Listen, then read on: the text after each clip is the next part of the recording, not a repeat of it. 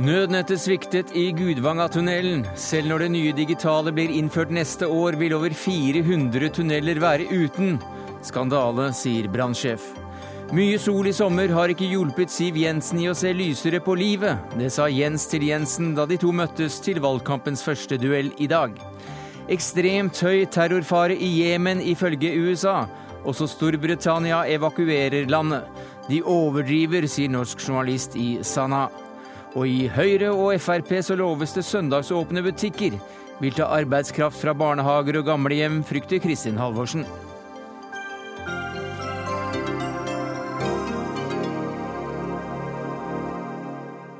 Ja, dette er noen av sakene i Dagsnytt 18 denne tirsdagen, der vi også skal til Kvitsjøen i Nansens kjølvann og høre at den gjeveste ruta mellom Europa og Asia ja, den vil gå langs norskekysten. Men først om brann i Gudvangatunnelen, der altså 80 personer ble evakuert i går. 72 ble brakt til sykehus. Nødnettet sviktet, gjorde redningsarbeidet vanskelig. Sigvald Kvinge, du er brannsjef i Gulen og Masfjord og har ansvaret for tunnelen der ulykken skjedde. Hvilke problemer skapte dette?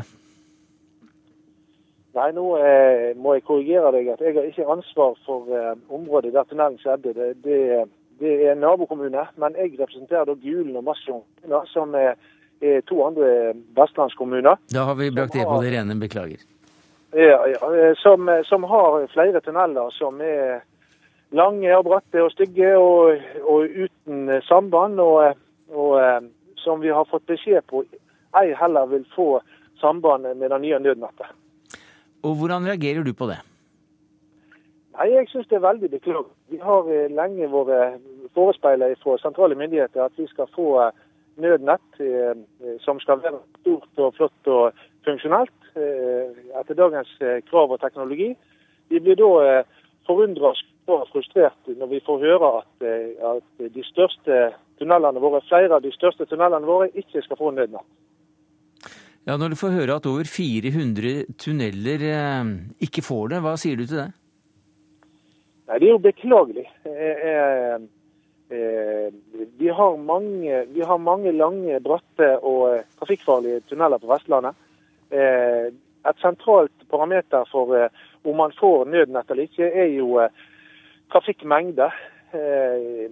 mange områder på Vestlandet, deriblant Gulen og Masfjorden, som jeg representerer, har har begrensa trafikk. Eh, selv om, selv om, hovedveien gjennom våre kommuner, E39, Bergen-Ålesund, eh, er en av de, eh, inneholder flere av de lengste tunnelene våre, så, så er det flere tunneler som har, har lite trafikk. Vi har jo spesifikk én tunnel som heter Jernfjelltunnelen, som, som, har for lite, liten trafikk til at vi får installert nødnett. Og Dette har vi blitt orientert om, og, og dette er vi veldig frustrert for. Per Rune Henriksen, du er tidligere statssekretær, og du er nå listetopp for Arbeiderpartiet i Hordaland. Hvorfor er det over 400 tunneler som fortsatt vil stå uten nødnett når nye nett etableres neste år? Eh, mange av disse tunnelene er jo eh, heller eh, korte. Det er vel en, de som er over 500 meter og har mer enn 5000 årsdøgn trafikk, altså trafikkmengden, de skal, de skal, få. Og så er det da en del som faller utenfor her. Men det er viktig også å ha med at det går an å få nødnett i disse tunnelene ved hendelser, ved at man bruker biler, altså tjenestebiler med utstyr til det, som kjører opp til tunnelen og kan kan videreformidle signalene på det nye eh, nødnettet.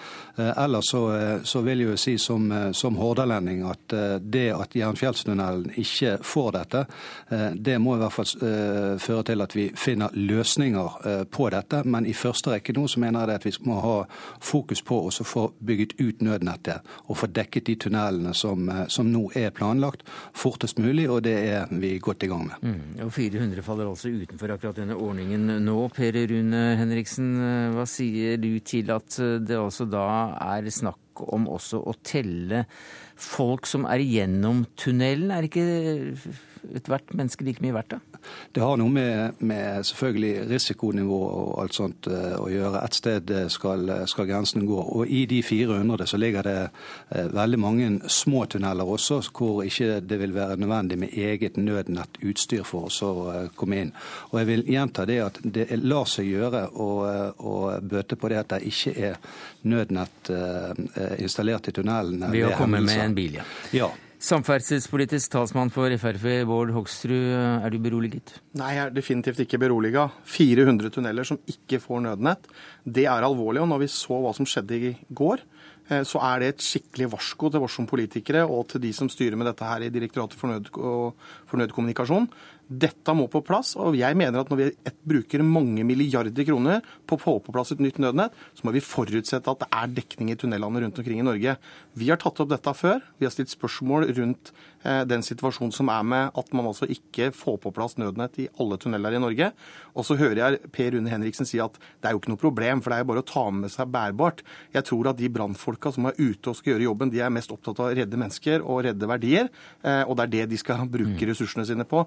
Ikke ikke eh, at man må kjøre ut med bærbare systemer og sette opp det. Og det er altså heller ikke på plass ordentlig ennå, fordi jeg har vært på, på møte med Direktoratet for nødkommunikasjon. De sier dette er ikke ordentlig på plass ennå heller. Mm. Henriksen?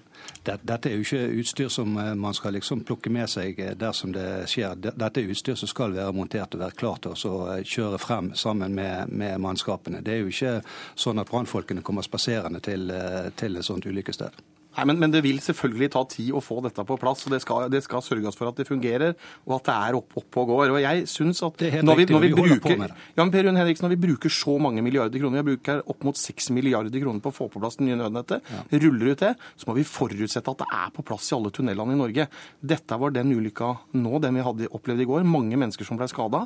Men vi har altså hatt for bare noen måneder siden en trailer som tok fyr med brunost på, som sto altså i mange, mange timer og brant. Eh, og brannvesenet hadde store problemer.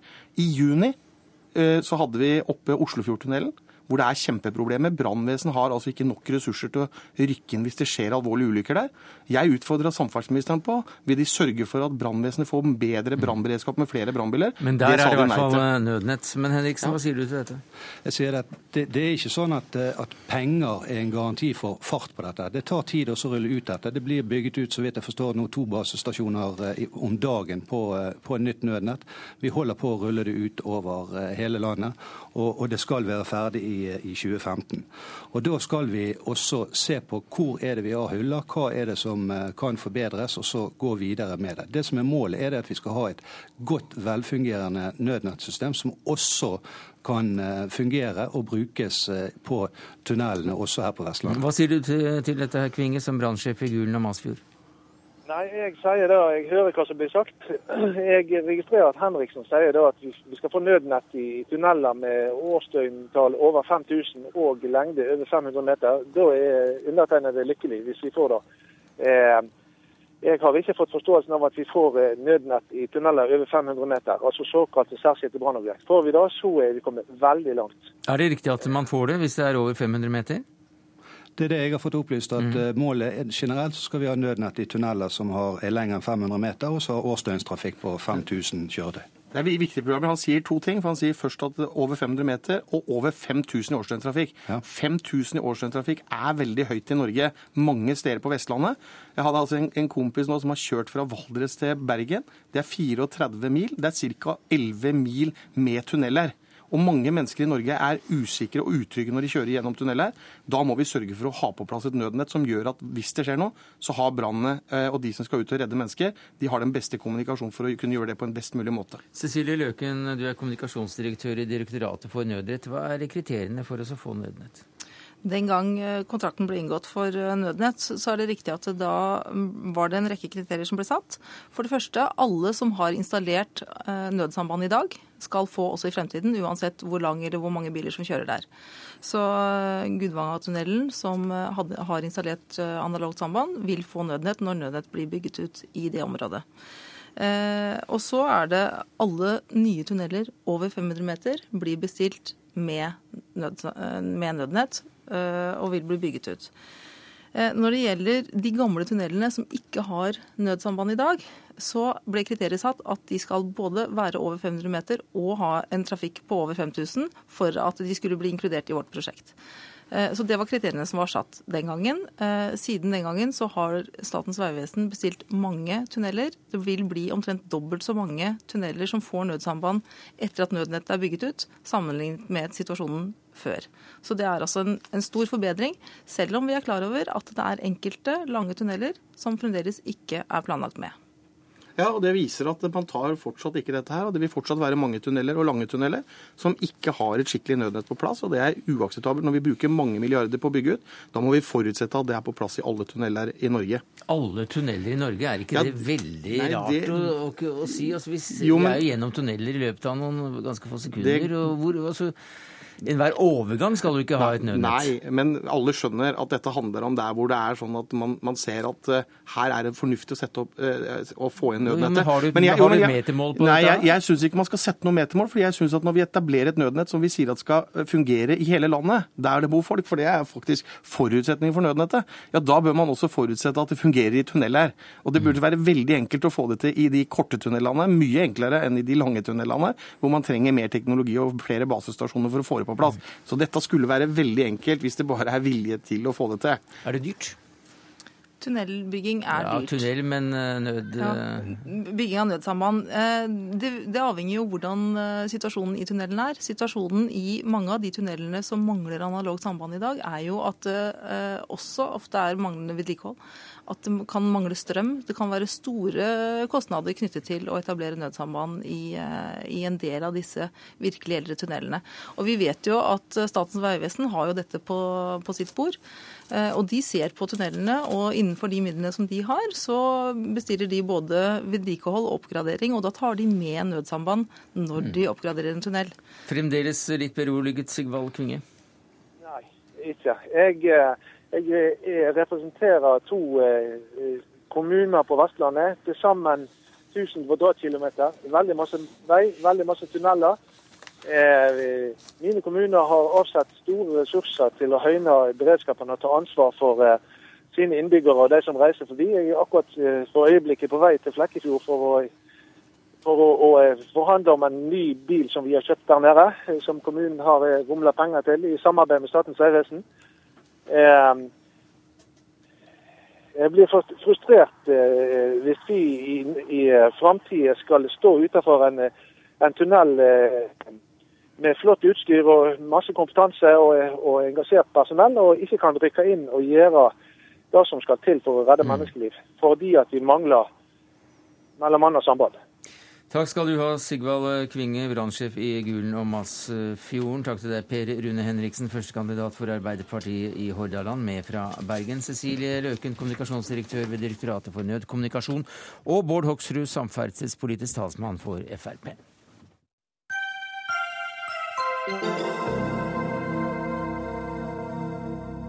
Og da inn i studio kommer lederen i Frp, Siv Jensen, og statsminister Jens Stoltenberg, nesten direkte fra Royal Christiania i, i Oslo, hvor de fram til klokka fem har duellert i valgkampens første partilederdebatt. Jeg opplever at eh, selv om du forhåpentligvis har hatt en god sommer, så har ikke det gjort at du ser lysere på livet. Eh, det er like mørkt eh, i landet nå som det var før sommerferien. Så det må nok lenger ferie til. Jeg har ikke sett at denne regjeringen de har jo til og med en egen moderniseringsminister, har modernisert noe som helst. Og så videre. Og så er jeg opptatt av å hele tiden effektivisere, modernisere og avbyråkratisere norsk offentlig sektor, sånn at vi får mer igjen for pengene. Det er det. Der fikk du i hvert fall siste ord i denne omgang, Jens Stoltenberg. Og, og, slik eh, går det jo når man har eh, halve salen med Arbeiderpartifolk, halve salen med Frp-folk og, og, et selvvalgt eh, tema, så å si. Fordi det som var spesielt her, det var jo at det var partiene selv som inviterte da godtfolk til debatten. Og, og Siv Jensen, vil vi se mer at, av at partiene selv tar regien på denne måten? Jeg syns det er viktig at vi gjør det. Det er jo strengt tatt et oppgjør mellom eh, partiene og eh, overfor velgerne. Eh, og jeg syns vi stadig ser en veldig sånn regissert valgkamp i de ulike mediene hvor vi partiene har veldig lite vi skulle sagt. Eh, vi er opptatt av, og det tror jeg Arbeiderpartiet og Fremskrittspartiet er enige om, at det er viktig å få frem forskjellene mm. på hva vi står for. Det skal vi komme tilbake til. Og det til, men... klarte vi veldig veldig ja. godt gjennom det opplegget vi hadde felles arrangement mm. på i dag. Men er ikke journalister, politiske journalister og, valgredaksjoner i radio og fjernsyn f.eks. opptatt av å få frem akkurat nettopp ulikhetene, Ness Altmar? Jo, absolutt, men det er i hvert fall ingen motsetning mellom å delta i debatter arrangert av eh, avisredaksjoner og debatter arrangert av partier. Eh, det som skjønner ikke at vi skal velge mellom det. Vi kan gjøre begge deler. Vi kommer til å gjøre masse av begge deler. Så vi blir ikke arbeidsledige? Overhodet ikke. Kommer, og det blir stadig flere slike debatter, syns jeg. Det blir eh, mange dueller. Eh, og, og, jeg er altså, Det er kanskje uttrykk for å bli med en gammel mann, men å si at det er spesielt at partiene arrangerer debattmøter. Altså da, da, jeg liksom begynte i politikken, så var det det som var det normale. Ja. Det var jo, altså Jeg begynte i politikken og møtte Carl I. Hagen og andre i dueller arrangert av Eh, Arbeiderpartiet og eh, Fremskrittspartiet. Der dere bestemte temaene selv? Jo, men altså, da, og da fylte det mye, det var gjerne større salen enn vi hadde i dag. og Det var liksom to timer, og det var masse applaus, ja. og det var en helt ja. annen sånn uh, stemning. Ja. Og og de alltid mobilisere til de møtene. Konfrontasjonsmøter kalte vi det, og det var svære greier. Så, så, det var en tradisjon som det er mye mindre av nå. Mm. Det er knapt slike møter igjen. Mm. Eh, men igjen, altså, de møtene har sin kvalitet. De som arrangeres av redaksjonen, har sin kvalitet. Eh, og det er så mange kanaler, det er så mye plattformer, er så mye møter, at vi kommer til å få mer enn nok av alle varianter. Men dere bestemte altså temaene selv i dag, i hvert fall Siv Jensen. Og for at denne overgangen da til Dagsnytt 18-studio ikke skal bli så stor, så kan du jo få bestemme hvilket tema skal vi diskutere med Jens Stoltenberg akkurat nå. Jeg er opptatt av å diskutere utfordringene vi står overfor når det gjelder eh, Helse-Norge, eldreomsorg, mangel på uh, tilbud i psykiatrien, rusomsorgen. Det er jo det veldig mange velgere er opptatt av. Og her er det en uh, stor forskjell i hva Fremskrittspartiet og Arbeiderpartiet vil. Arbeiderpartiet vil videreføre det systemet som har skapt køer og monopoler. Fremskrittspartiet ønsker valgfrihet, ta alle muligheter i bruk, sørge for at vi utnytter all ledig kapasitet så er vi ikke så veldig redd for at det står både frivillige og private aktører der som kan supplere mm. det offentlige. Og det du sa i, eh, på debattmøtet i dag, det var at det var tre typer køer, eller det var i hvert fall Tre måter å organisere helsevesenet på. Det er én kø. kø, den offentlige monopolkøen til Arbeiderpartiet. Mm. Det er to køer, som er Høyres modell, hvor du flytter noen fra den offentlige til den private køen. Og så er det den tredje modellen, som er å ta bort køen, og det er det Fremskrittspartiet vil. Retorisk ganske klart, i hvert fall. Ja, men det er bare det der. Bare retorisk artig. Det er ingen substans eller innhold i en sånn påstand. Det er eh, ingen land som har null kø i helsevesenet så lenge du har et gratis helsetilbud. De landene som har null kø, det er de eh, landene som lar markedet bestemme. Det er noen folk simpelthen ikke har råd eh, til eh, helsetilbud.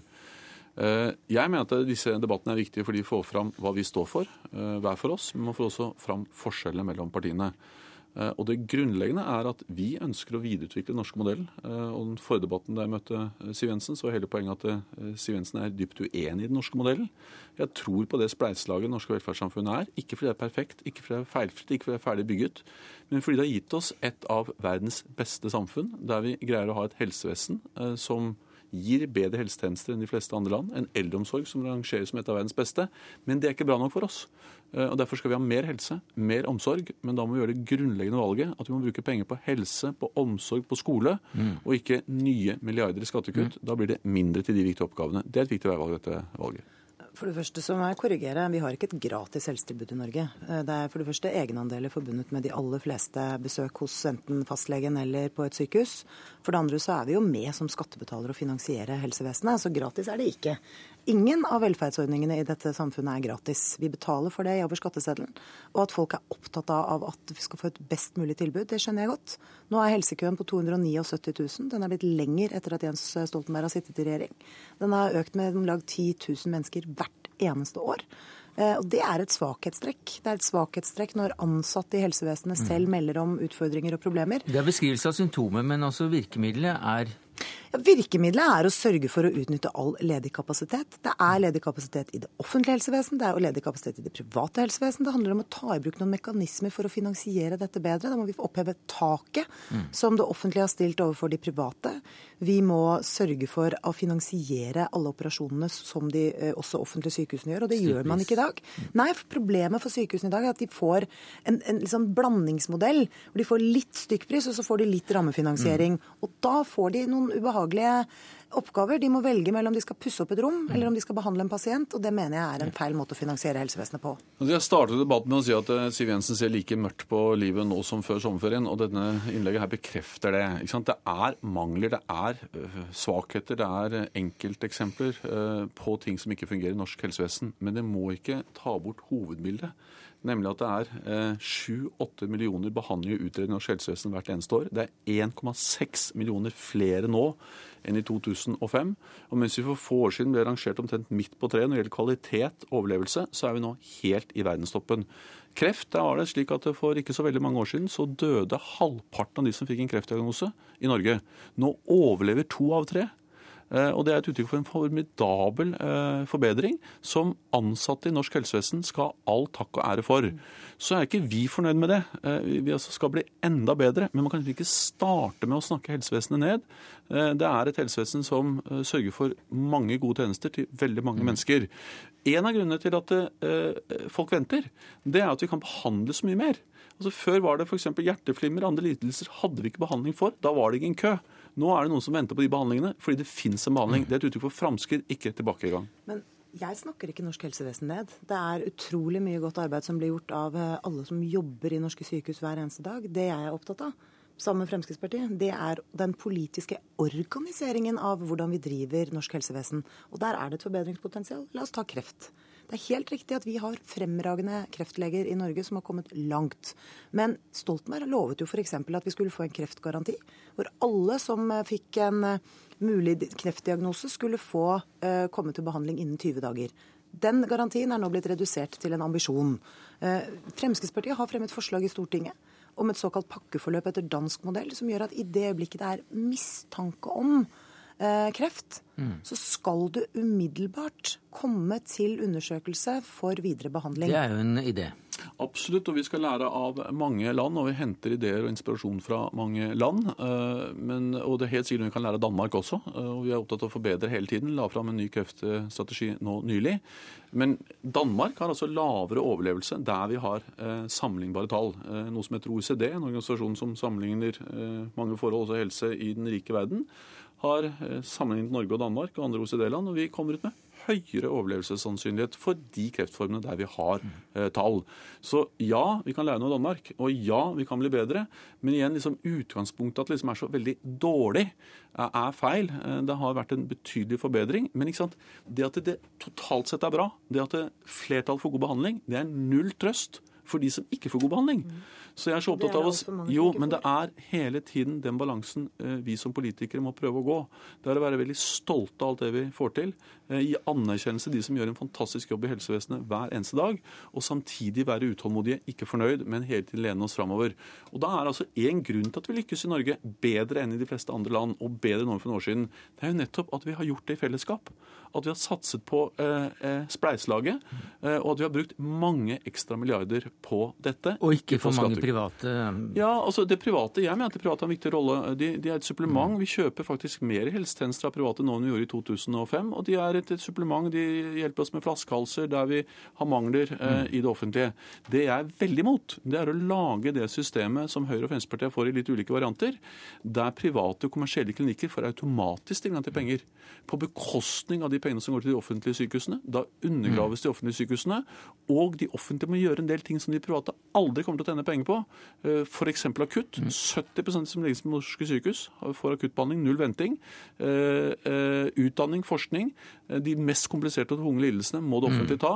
Og da må de ha sikret inntekter, ikke at, de ikke at de private tar de pengene. Men nå slår jo statsministeren inn åpne dører. Det er jo ingen som er uenig i at vi skal ha et spleiselag for å finansiere helsevesenet vårt. Det er ingen som er uenig i at de store offentlige sykehusene må ta en vesentlig del av ansvaret for både forskning og utdanning.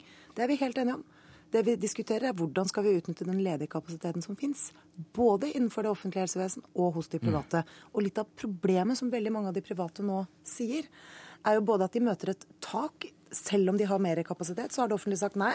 dere får bare lov å behandle så mange, men ikke flere. Det fikk du si i forrige runde. Det andre er at avtaleverket fra det offentlige side er så uforutsigbart at mange av de private tør ikke å inngå kontrakter mm.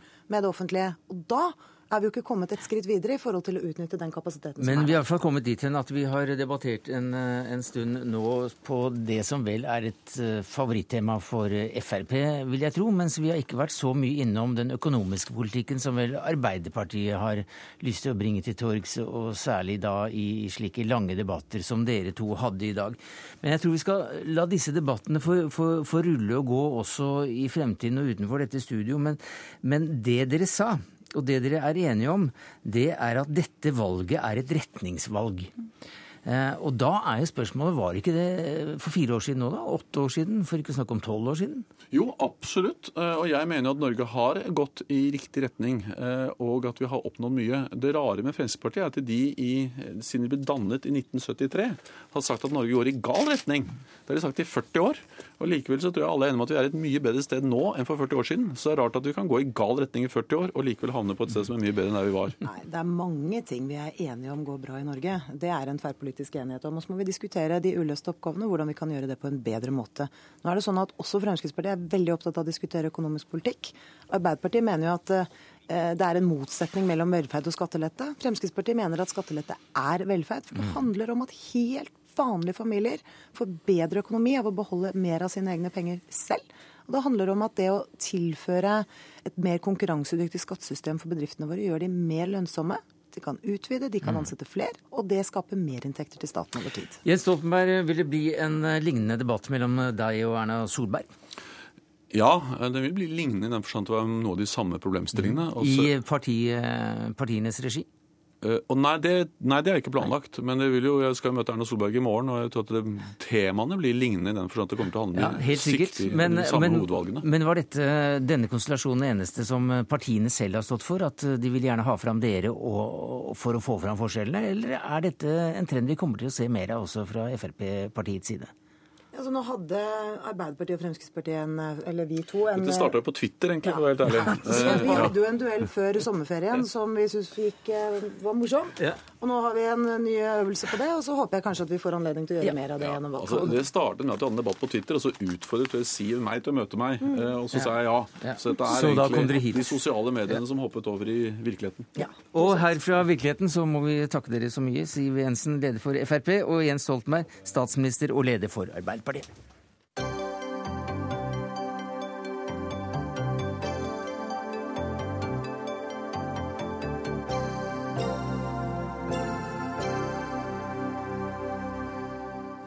I dag ba altså USA og Storbritannia alle sine statsborgere om å forlate Jemen fordi eh, terrornivået skal være ekstremt høyt. Amerikanske militærfly evakuerer egne borgere fra landet. Britiske statsborgere har fått beskjed om at dersom de ikke forlater landet nå, ja, som eh, kommersielle flyselskap fremdeles flyr, da blir det ekstremt usannsynlig at den britiske regjeringen kan bistå. Bakgrunnen er selvfølgelig at amerikansk etterretning skal ha fanget opp planer om et stort terrorangrep. Også norske ambassader og konsulater i området er stengt for publikum. Anders Romarheim, du er forsker ved Institutt for forsvarsstudier med USA og terrorisme som spesialfelt.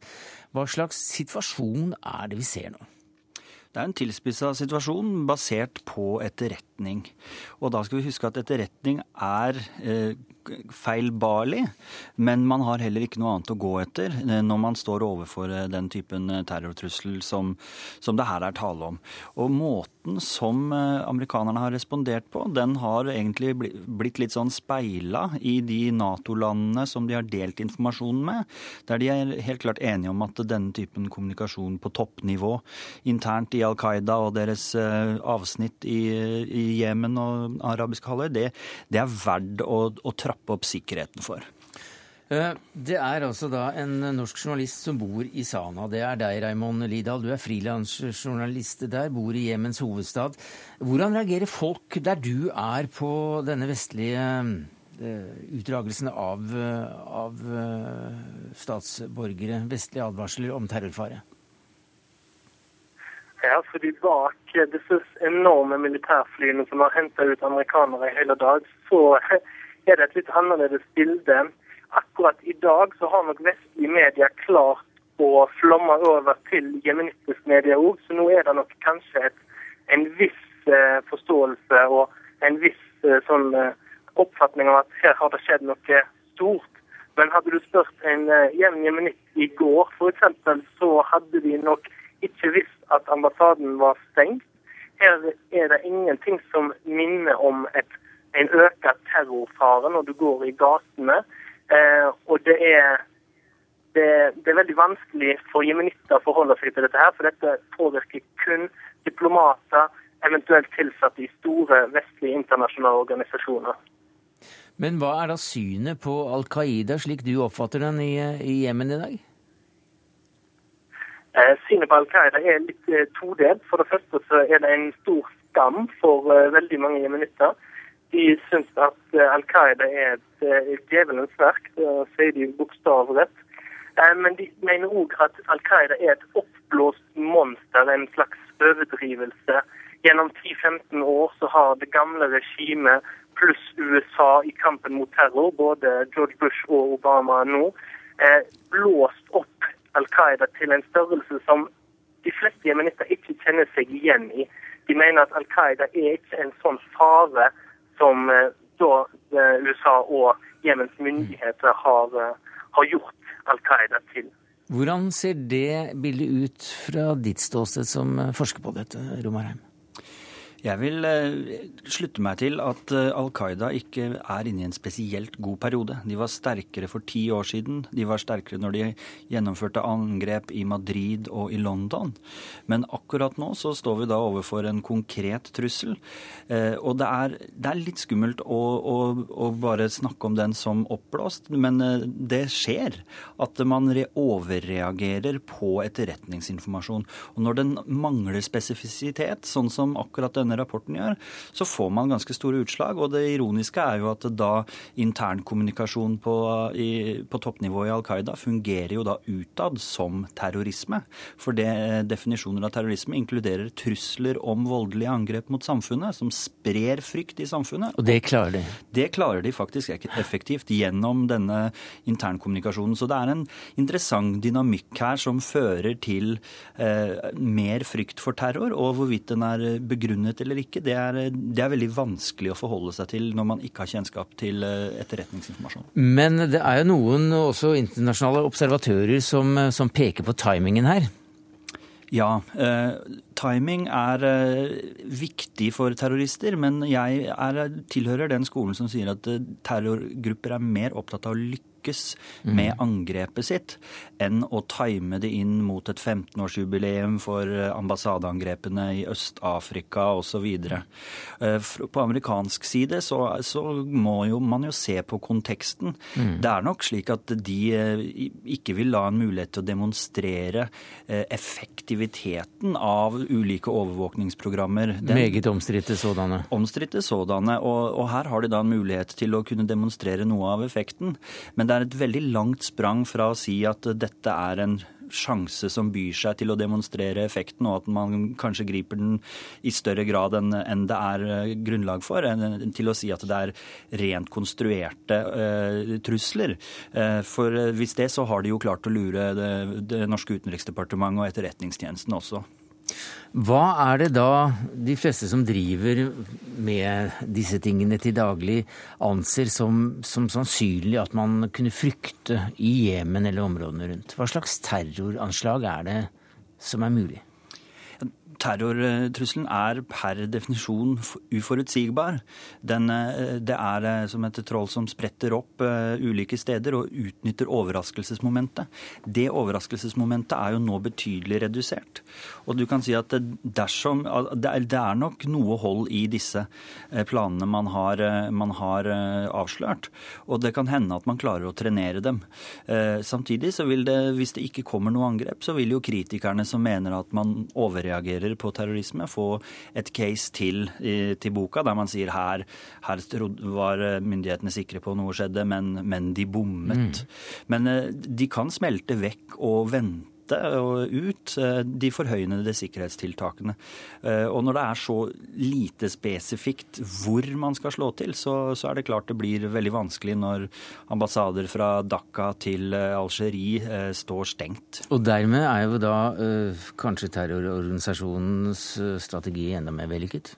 Ja, det kan man si. Og, og, og, sånn sett er det litt ironisk at uh, Al Qaida på totalen er i en liten fluks. De er i en nedgangsperiode sammenligna med tidligere storhetstider. Men akkurat når vi skriver historien om dette og ikke sitter midt oppi det, så kan det hende vi sier at sommeren 2013 hadde de en uh, suksess med å spre frykt via mm. rett og slett intern kommunikasjon som ble, ble av, uh, avlytta. Går rett inn i læreboka.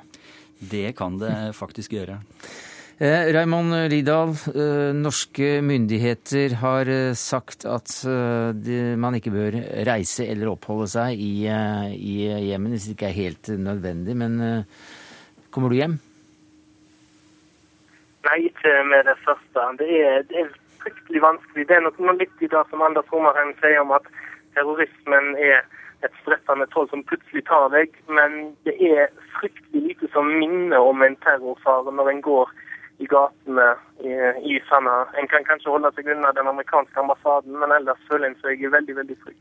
Takk skal du ha, Raymond Lidahl, frilansjournalist i Jemen, og takk skal du ha, Anders Romarheim, forsker ved Institutt for forsvarsstudier.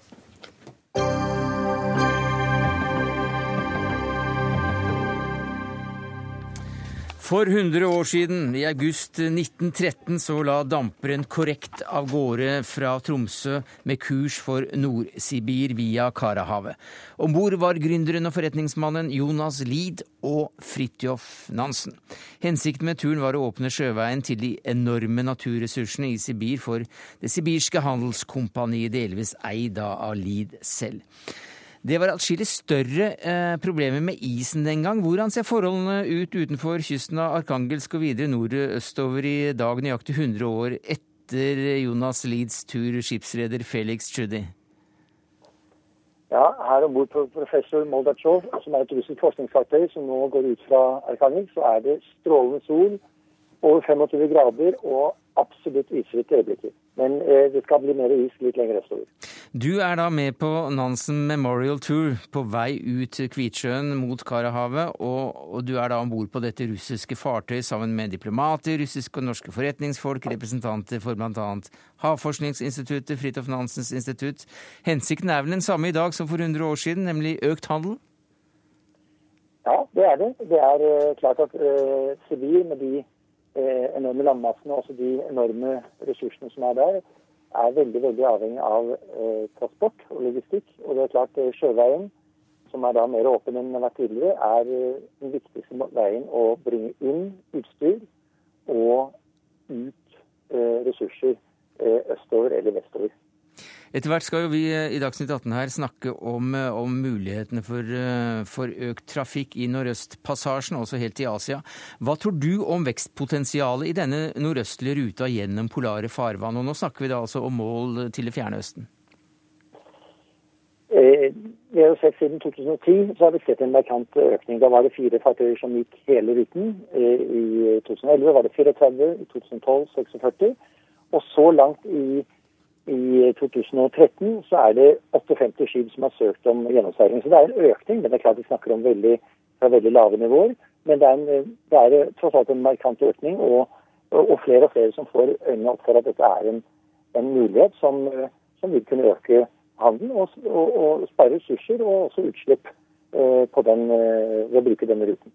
Du vil sikkert ikke kalles dagens Jonas Lied, men du har jo da allerede investert eh, betydelige beløp for å være nettopp i posisjon om denne Nordøstpassasjen blir en ny hovedrute mellom, mellom Østen og, og, Vesten. Hvilken tidshorisont er det du og, og firmaet ditt har for å, å kunne tjene gode penger f.eks. på supply- og verkstedstjenester i Nord-Norge for fartøy som skal gå denne ruta? Vi har en lang horisont. Dette er ikke noe som skjer over natten. Det, eh, det vil uten tvil ta tid. Og, og, vår satsing er jo vel så mye for, vi, for, for, det faktum at vi tror det vil skje mye i nordområdene generelt, ikke bare i forhold til den nordlige eh, sjøruten. Men, eh, men, det er vi nokså sikre på, at det vil komme en utvikling i det høye nord. Og, og, og den vil være avhengig av transport og logistikk. Eh, og det har vi lyst til å være med på. God tur videre til Karahavet. Vi anbefaler Nansens bok 'Gjennom Sibir', der han konkluderer med at det er plass nok. Men det finnes altså da flere sjøveier til det fjerne Østen som, som eh, med ett eh, Det fjerne Østen blir altså ikke så, så veldig fjernt, eller hva sier du, Willy Østring? Du er president i Norges vitenskapsakademi for polarforskning. Og du har nå kommet med en bok etter en, eh, etter en studie der dere sammenligner de ulike rutene til Østen. Ja. Hvordan kommer Nordøstpassasjen, som også Norge kan nyte godt av, ut av denne sammenligningen? Ja, Denne boken den er altså skrevet av syv forfattere, hvorav jeg er én, og det er innenfor rammen av Ocean Futures, som er et forskningsinstitutt. Vel, vi har altså tre eh, ruter gjennom Polhavet. Det ene er Nordøstpassasjen, hvorav den nordlige sjørute er en stor del. Så er det Nordvestpassasjen, som går eh, nord for det nordamerikanske kontinentet. Og så er det den fremtidige ruten som går rett og slett over polpunktet, eller i det sentrale polpunkt, det vi kaller for den transpolare sjøruten. Og så er det altså Nordøstpassasjen, hvis ikke vi fikk med oss denne den, den... Nordøstpassasjen eh, er helt sentral, og det er den som også da er en del av det norske bildet. Mm. Men altså, der mista jeg denne boka. Det er litt uh, dumt, fordi jeg så inne på Amazon, og den går, skal gå også for 1400 kroner. Så det er, det er dyr litteratur. Men uh, de som kommer først til målet, de har sjansen for å tjene store penger. For her sånn så går de altså gjennom en god del eh, betingelser for eh, hva som skal til for, for at dette skal bli eh, en virkelighet, og eh, hva som skal til før den ene ruta eh, blir favorisert foran den andre.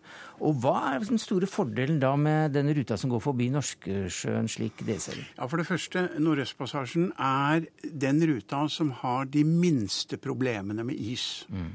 Og Det er også den flerårige isen som er det store navigasjonshinderet eh, i dette havområdet. Dernest, og det er veldig viktig Eh, Russland forvalter i dag eh, en investering som det kommunistiske Sovjetunionen gjorde. Nemlig de utviklet seilingsbetingelser langs den nordlige sjørute. De, de har i dag 41 40 havner, eh, små byer, små eh, villages langs hele ruten, som ikke riktignok er gode nok for å ta storskala eh, seilinger mellom øst mellom Stillehavet og Atlanterhavet, men som er et utgangspunkt som kan forbedres.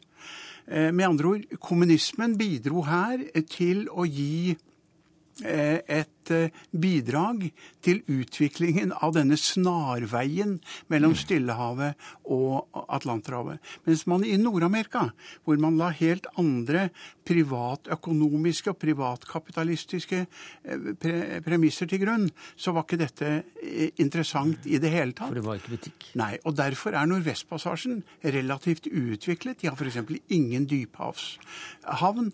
I tillegg, Nordvestpassasjen er den passasjen som er preget av de største og vanskeligste isforekomstene.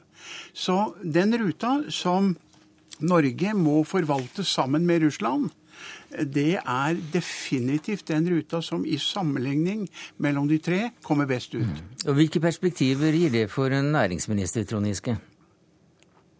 Perspektiver. For det første så vet vi at den sterke veksten i verden befinner seg nå først og fremst utenfor eh, Nord-Amerika og Europa. Så Kina, eh, Sørøst-Asia blir stadig viktigere som økonomisk makt i verden, og handelen med disse regionene øker. Og det er Ca. 3000 km kortere mellom Rotterdam og Shanghai eh, i Nordøstpassasjen enn gjennom Suezkanalen. Og betydeligere fredeligere farvann enn de problemene man f.eks. har hatt i Adenbukta med pirater osv.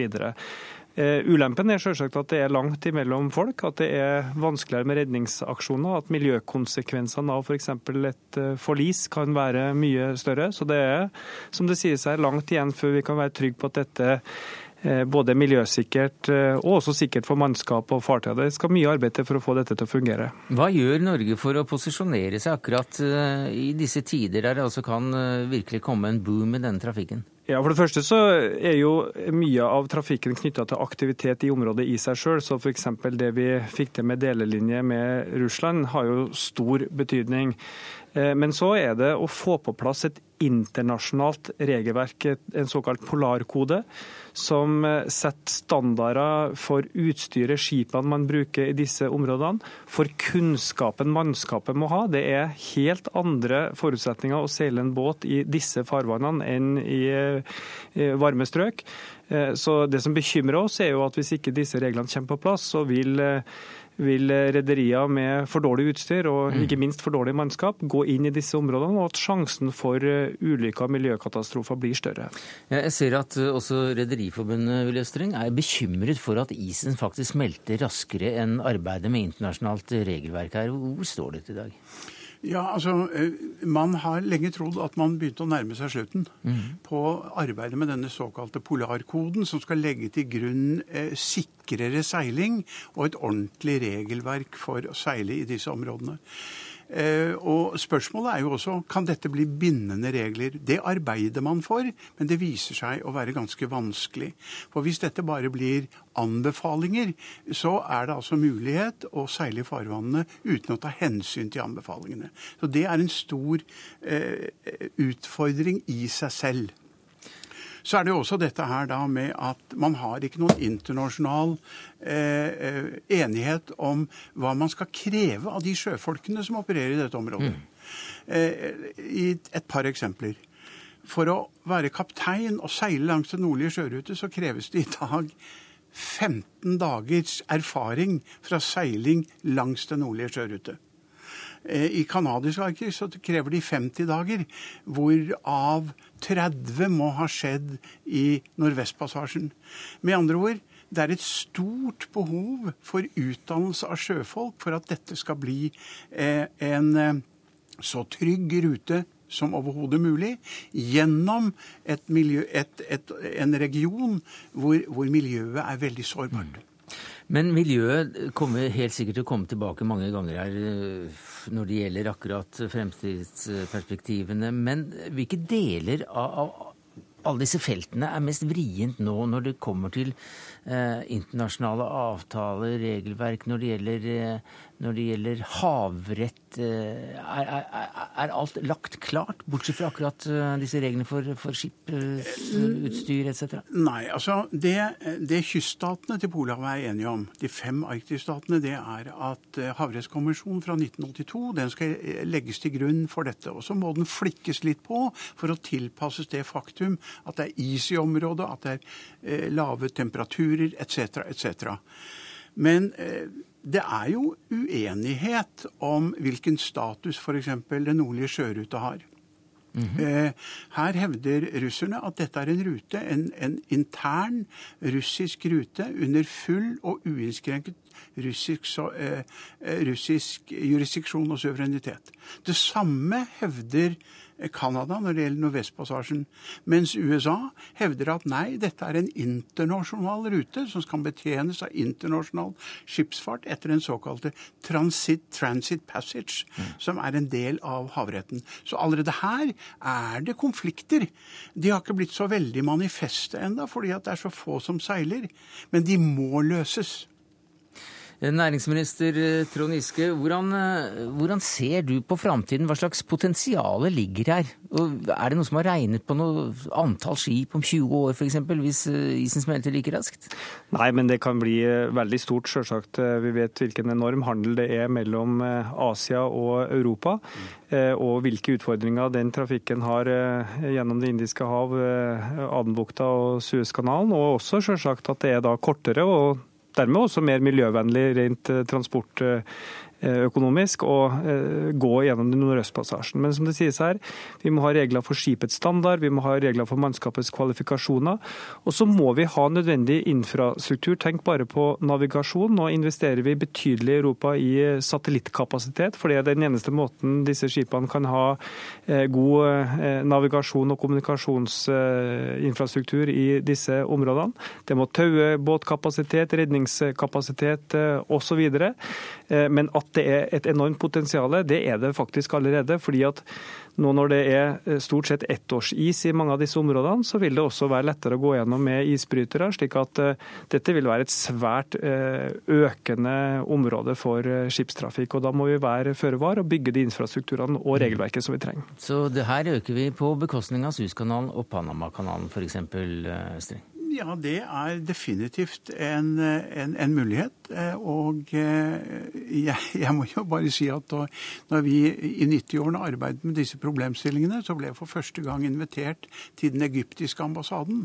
Man så allerede der at den, denne nordlige sjøruten og dette nordlige transportpotensialet som ligger der, det kunne være en trussel mot seilinger både gjennom Panama og og Suezkanalen. Så Egypt så det ganske tidlig, mens eh, det var vel en del i Norge som trakk litt på skuldrene, og dere som eh, var veldig veldig opptatt av, av dette? De fleste trakk på skuldrene. Eh, men det var når vi fikk overbevist japanerne om at dette måtte man se nærmere på, så begynte man å si i Norge at hvis japanerne mener at dette er viktig, så må det jo være litt viktig. Takk skal du ha, Will Østreng, president i Norges vitenskapsakademi for polarforskning og redaktøren bl.a. av denne boka 'Shipping in Arctic Waters'. Takk skal du ha, Trond Giske, næringsminister. Og hvis du hører meg fremdeles, det er langt eh, nord og på vei ut i ishavet, Felix Tschudi, styreformann i Tschudi Shipping.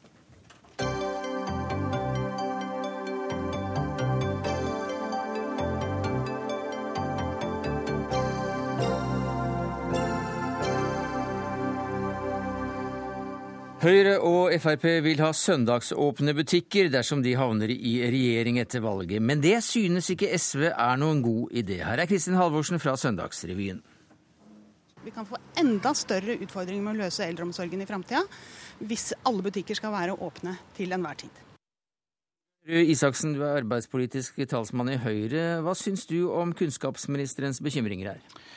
Det kan jo finnes ting å bekymre seg over ved søndagsåpne butikker, men dette her er ikke en av de. Mm.